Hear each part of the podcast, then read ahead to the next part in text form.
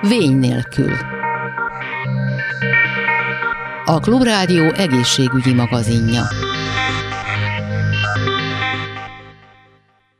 Kellemes délutánt kívánok, Laj Viktoriát hallják. A népesség 15%-a tűfóbiás, és világszerte 2-3,5 millió tűszúrásos baleset történik, ami miatt sok esetben súlyos fertőző betegségekkel kerülnek közvetlen kapcsolatba az egészségügyi dolgozók. Ezekre a helyzetekre is megoldást jelent az az új tűmentes technológia, amely a Föld egyes vidékei már bevett módszer. Magyarországon elsőként ortopédiai panaszok esetében vetik be ezt a technikát. Nagy előnye, hogy egyes betegségek esetében tűmentesen beadva hatékonyabb lesz a gyógyszer a szervezetbe jutva.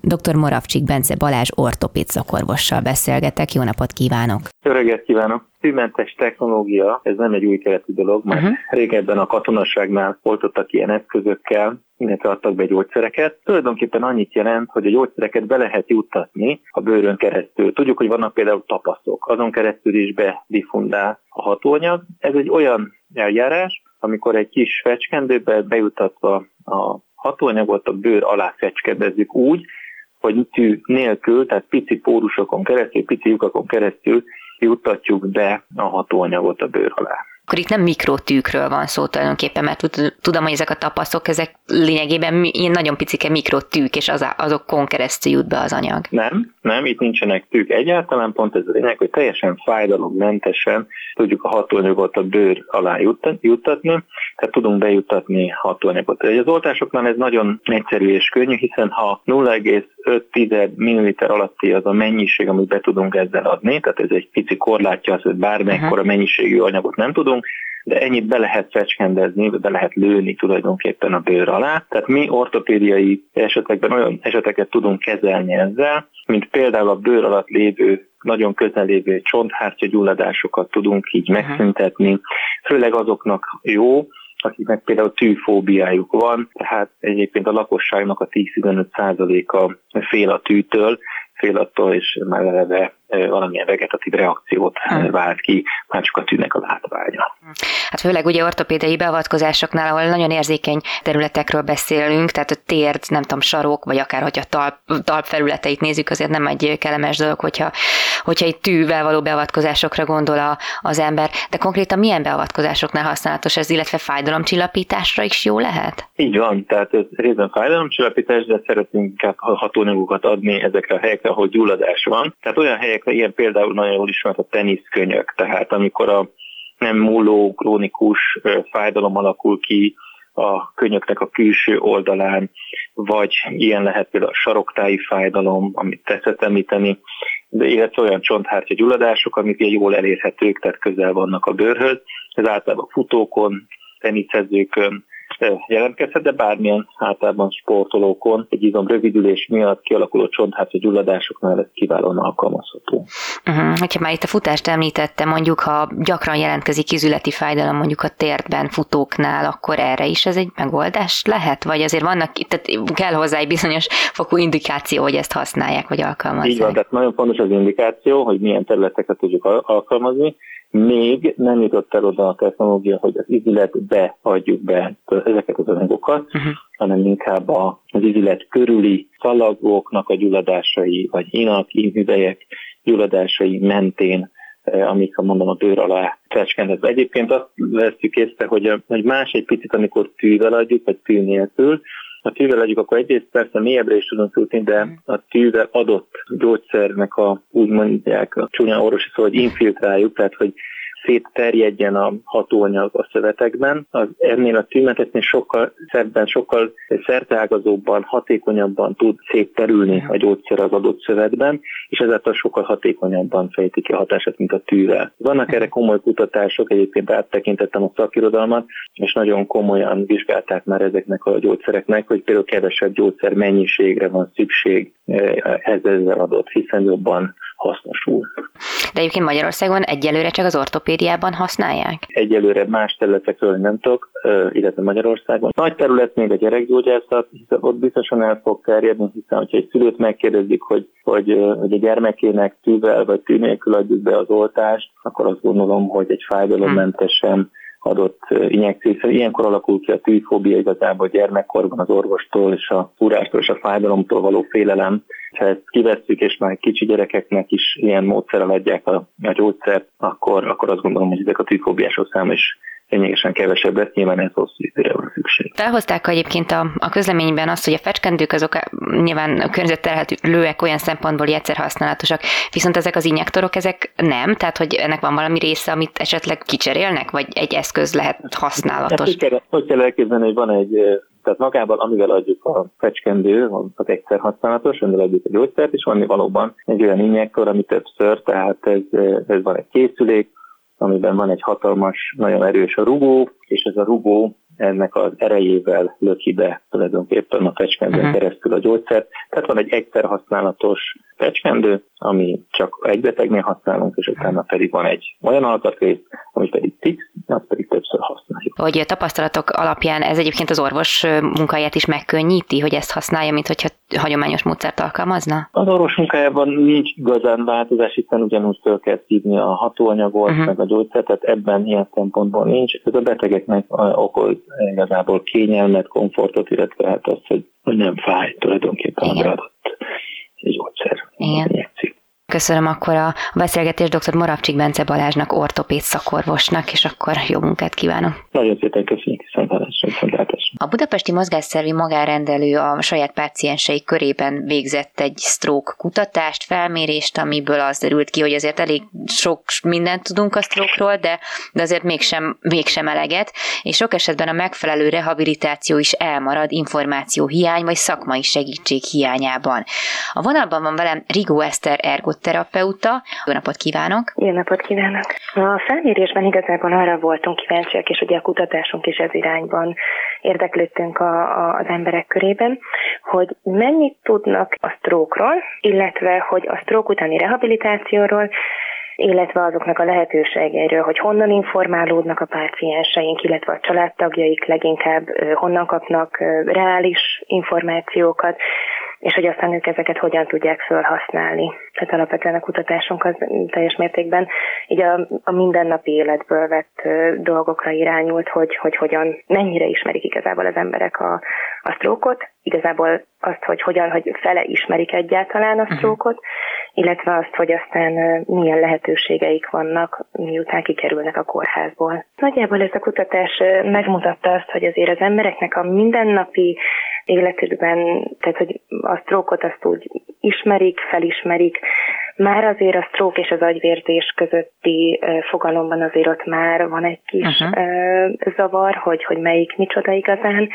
Az orvosi ellátást, illetve a kórházi ellátást azt, azt ismerik, annak a menetét, viszont utána a lehetőségeket, a rehabilitációs lehetőségeket nem igazán.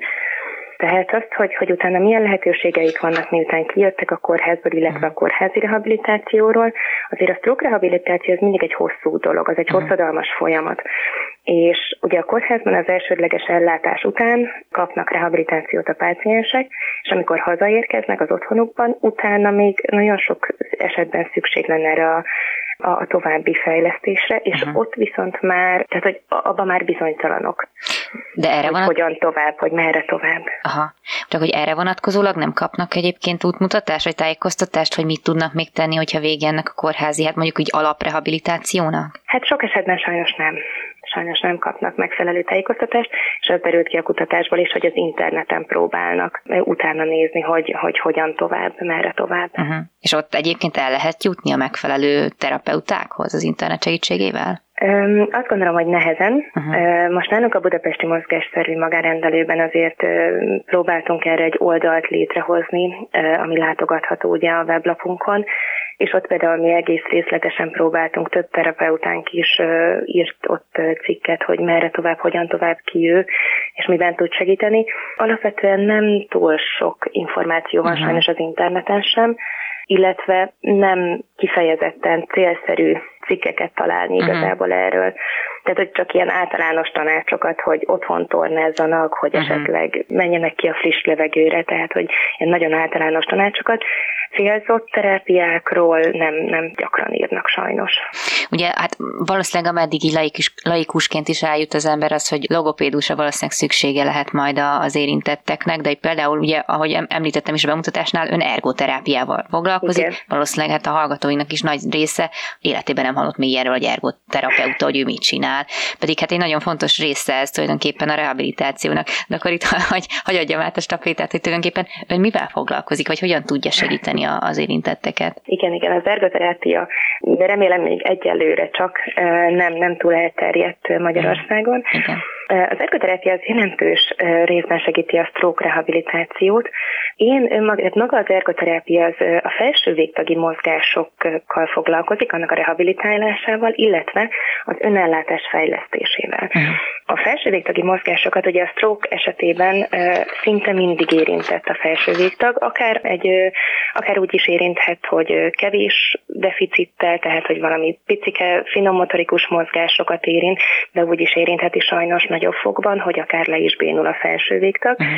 és ezeknek a koordinációs mozgásokat próbáljuk mi helyreállítani, és az ergoterápia ez egy rettentően funkcionális és gyakorlatias terápia, tehát a mindennapi életből vett gyakorlatokat uh-huh. próbáljuk mi lemodellezni, ugye a páciens állapotához igazítva. Ezeket különféle tornákkal, speciális eszközökkel próbáljuk lemodellezni, illetve ugye az önellátási feladatokat próbáljuk ugye a páciensnek személyre szabottan megtanítani ugye a megváltozott állapothoz, és akkor ugye ezáltal egy életminőségbeli javítást próbálunk elérni a páciens számára, illetve a családtagokat is ugye próbáljuk ebben segíteni. Tehát az ergoterápia egy kicsit ilyen komplex uh-huh, része a, a stroke rehabilitációnak, és hát igazából ugye az összes szakember ilyen formán együtt dolgozik, ugye mint ergoterapeuta nekem is azért szükségem van ugye a gyógytornászra, illetve hogy a neuropszichológusra és a logopédusra is, hogy ezt ugye mindegyütt tudjuk fejleszteni a lehető legjobb Aha. állapot elérése érdekében. Én tehát akkor ezt úgy kell elképzelni, hogy kvázi van ez a tím, aki előre meghatározza a terápiának a menetét, de úgymond a foglalkozások azok külön-külön zajlanak. Tehát amikor ön foglalkozik valakivel, akkor az csak ergoterápia, viszont már tudja ugye a, logo, a gyógytornásznak az ismereteit is. Így van, így van. Tehát, hogy a, a stroke rehabilitáció az rettentően fontos, uh-huh. hogy az mindig egy tímben zajlik. Uh-huh. Ugye orvos is van benne, neuropszichológus, gyógytornász, Aha. logopédis, és ugye én is, mint ergoterapeuta részt veszek benne. Ez nagyon fontos, hogy a páciensnek, pácienseknek mindig személyre szabott terápiát adunk, közösen megbeszéljük, hogy, hogy mi lehet a legjobb, és ugye ez nyilván ez a terápia, ugye ahogy a páciens állapota is változik, ugye a terápiát is folyamatosan uh-huh. igazítjuk a, a, a változásokhoz. Külön zajlanak ezek a terápiák minden esetben, tehát amikor ergoterápia van, akkor csak a kézre koncentrálunk, csak az önellátásra, ugye ugyanígy a logopédus a beszédre, a neuropszichológus ugye a mentális illetve ugye a kognitív segítségre, és ugye a gyógytornász pedig ugye a járásra és a mozgásra. Uh-huh. Viszont a tapasztalatokat, azokat mindig megosztjuk, hogy, hogy ki hogyan halad a pácienssel, és ugye uh-huh. hát azért segítjük is egymást ilyen formán, hogy, hogy különböző megoldásokkal, különböző gyakorlatokkal, hogy hogyan tudjuk ugye a páciensből a lehető legjobbat kihozni a terápiák során. Uh-huh. Egyébként um, itt említett a picit a, a különbséget a gyógytorna és az ergoterápia között, hogy ez uh-huh. inkább a finom apró, a, tehát a finom uh, motorik képességekre irányul, a másik meg inkább a, a járás, stb. De hogy akkor ilyen tekintetben gondolom, hogy itt a, tehát hogy a logopédiával valahogy összefüggésbe lehetett tenni mondjuk az ergo terápiát olyan tekintetben, hogy az, az idegrendszert hasonlóképpen mozgatja, vagy próbálja meg közelíteni. Igen, igen, a, a logopédiát olyan szinten lehet összevonni az ergoterápiával, ugye, hogy a logopédus ugye az olvasás, írás, beszédkészséget ö, fejleszti ugye a pácienseknél, az ergoterápia, ugye, mint említettem, hogy ez egy nagyon funkcionális terápia, tehát hogy ott tudok én belépni ugye a logopédus mellé segítségként, hogy például mondjuk az írás. Uh-huh. Tehát, hogyha a, ugye a felső végtagot érinti finommotorikus mozgásában a stroke, akkor ugye én az írásfejlesztésnek az elejét, azt én tudom segíteni a logopédus számára. Tehát, hogy hogyan uh-huh. kell megfogni a tollat, hogyan kell írni, a finom, hogyan fogja ugye formázni a betűket, és ugye akkor a logopédus pedig már kifejezetten az írás funkciójára fogja tudni ugye tanítani, segíteni a pácienst. Tehát ugye én mhm. kifejezetten ugye a funkcionális részt is nézem magát, ugye, hogy ezt hogy fogja kivitelezni, a logopédus pedig mindenféleképpen ugye már magát uh-huh. az írást, hogy abban milyen probléma van, ugye ami mentálisan, tehát hogy kognitív érintett benne uh-huh. a páciens. Uh-huh. De ezek a, ezek a képességek egyébként csak terápiával szerezhetők vissza, vagy nagyon hosszú távon, nem tudom, vissza, visszajöhetnek-e ezek. Nem, nyilván nem szimplán magától, de hogyha valamit próbál a, a, az érintett tenni, hanem is ilyen komplex terápia szinten. Igen. Hát a, a stroke ugye ez, ez, ez rettentően egyénre igen, szabott igen. sajnos, tehát hogy mindenkinél rettentő sokszínű tünet együttesek tudnak lenni. Az elején, az első fél évben ugye azt mindenképpen friss stroke szoktuk nevezni az első fél évet a történéstől számítva. Ott nagyon sok minden szokott spontán javulni, tehát hogy ahogy regenerálódik ugye az agy a megfelelő gyógyszerek hatására, azért ott nagyon sok minden el szokott indulni magától a javulás útján, illetve ugye mindenki szokott próbálni ugye otthon önszorgalomból is, amit gondolnak, hogy olvasni, uh-huh. írni, ugye minél többet mozogni. Tehát szokott ez segíteni, sőt ugye a mindennapi életben való visszatérés is szokott segíteni ugye abba, hogy, hogy a páciensek uh-huh. javuljanak, de a stroke-nál általában, hogyha nagyobb fokú az érintettség, akkor mindenféleképpen szükséges ha nem is ennyire komplex terápia, de részfeladatok, tehát hogy vagy a gyógytornász, vagy külön a logopédus, vagy a neuropszichológus, vagy az ergoterápia. Tehát nem is együtt, de, de külön-külön mindenféleképpen értemes. Uh-huh. Legalább egy felmérést, hogy hogyan tovább, merre tovább. Uh-huh. Egyébként itt a, a terápiás cél, tehát a legvégén a célt, azt hogy határozzák meg? Ez, ez, ez, ez, ez egy lezárható folyamat, amikor azt mondod, hogy innen, azt mondja az ember, hogy innentől kezdve hát elértünk, elértünk a maximumra, nem, javulás már nem igazán lesz várható, vagy azért ez mégiscsak egy, hogy mondjam, egy változó dolog, ami folyamatosan javulhat, ugye pont azért is, mert hogy mindenki ugye máshogy reagál, nem vagyunk egyformák, mindenkinek más az idegrendszeres, stb. Tehát, hogy lehet arról beszélni, hogy ennek egyszer ö, le kell zárulnia, mert nincs tovább, vagy folyamat folytatódhat egész életen keresztül akár. Az az igazság, hogy maga a stroke utáni rehabilitációs, illetve a fejlődési folyamat. Tehát mi a rehabilitációs célt, azt úgy szoktuk meghatározni, hogy vannak ugye rövid és hosszú távú mhm. céljaink. Ezt a pácienssel és a családjával együtt szoktuk megbeszélni, hogy mi az, amit ők el szeretnének érni, és mi az, amit mi látunk, hogy mhm. reálisan el lehet érni ez nagyon fontos, ugye, hogy itt megint egyénre szabott, hogy mennyire, milyen agyi területeket érintett a stroke, hogy, hogy esetleg milyen maradványtüneteket okozott, ugye ezek mind-mind tényezők abban, hogy mi lesz a végállapot, vagy mi lesz a végcél, amit mi szeretnénk elérni. Mm. Az első időben nagyon sokat tud számítani a folyamatos rehabilitáció, Viszont a stroke-nál ez nagyon fontos tudni, hogy, hogy amit elérünk egy célt egy idő után, azt, hogyha az ember nem fejleszti, illetve tehát magát a páciens uh-huh. nem fejleszti magát otthon is folyamatosan, ezek sajnos el tudnak kezdeni leépülni már oh. elért eredmények. Tehát sosem érhetünk el a stroke szinte sohasem Értem. érhetünk el a stroke egy olyan állapotot, amit azt mondjuk, hogy ez fix, és ez innentől kezdve így marad. Uh-huh. Tehát a fejlesztés az, az miután valaki sztrókot kapott, a fejlesztésnek benne kell lennie az életében. Ha nem is folyamatosan, de ezt egy intermittáló rehabilitációnak uh-huh. szoktuk hívni, hogy évente esetleg a páciens visszatér hozzánk egy két-három hetes uh-huh. rehabilitációra, és utána pedig ő otthon tudja magának folytatni. És terápia hűek az emberek ön szerint? Én úgy vettem észre, hogy aki, aki tud róla, és aki, aki, aki érezte már ennek a hatását, ők, ők igen. Uh-huh, Itt uh-huh. ugye az ismeretterjesztés a fontos, hogy, hogy minél többen tudják, hogy milyen lehetőségeik vannak. Hát igen, és ez egy nagyon szomorú eredmény egyébként, hogy arról számolnak be, hogy egyedül érezték magukat ezzel a, ezzel a problémával, vagy nem tudtak kihez fordulni, holott azért azt feltételezném, hogy az ember kikerül az alapellátásból, azért valószínűleg a házi orvos még rá néz jó esetben, és adhat neki tanácsokat arra vonatkozóan, hogy, hogy hogyan volna érdemes ezt fejleszteni, de hát ezek szerint nem kapják meg ezeket a segítségeket. Nem tudom, hogy persze próbálják a laikusokat tájékoztatni, de így szakmailag egyébként van, van valami párbeszéd, vagy törekvés arra, hogy, hogy elterjedté tegyék azt, hogy igenis ajánlják ezeket a komplex terápiákat. Igen, hál' Isten azért Magyarországon egyre több ö, alapítvány jön létre, akik ezzel foglalkoznak, uh-huh. és ők is próbálják bevonni ugye minél több ö, pácienst, illetve családtagot ugye a, ezekbe uh-huh. az mhm. ismeretterjesztésekbe, és mi is szeretnénk ö, minél szélesebb körben ö, megpróbálni ugye kommunikálni velük, a, ami a honlapunkon megtalálható rehabilitációs oldalot elég széles körülön próbáltunk mhm. írni erről minden különféle szakágról, illetve hogy hogyan történik nálunk ez a rehabilitáció, és hát a, a jövőben szeretnénk ugye ezt minél minél jobban kiszélesíteni ezeket a kommunikációs csatornákat. Uh-huh. Volt még egy érdekes eredmény, amit azért sejtettünk, hogy nagyon nagy százalék igennel felelt arra a kérdésre, hogy ismerik-e a stroke tüneteit, de amikor fel kellett őket sorolni, akkor azt már csak kevesebben tudták teljesíteni. És például nagyon, mert néha össze is keverhető akár egy erős, erős migrénnel, ez a féloldali zsibbadás, vagy akár bénulás is, erős fejfájás, szóval nem feltétlenül tudjuk, hogy ez most stroke, vagy valami más, Igen. hogy esetleg fel tudnánk, vagy ezeket meg tudnánk nézni, hogy mi az, amivel biztosan ö, orvoshoz kell fordulnunk.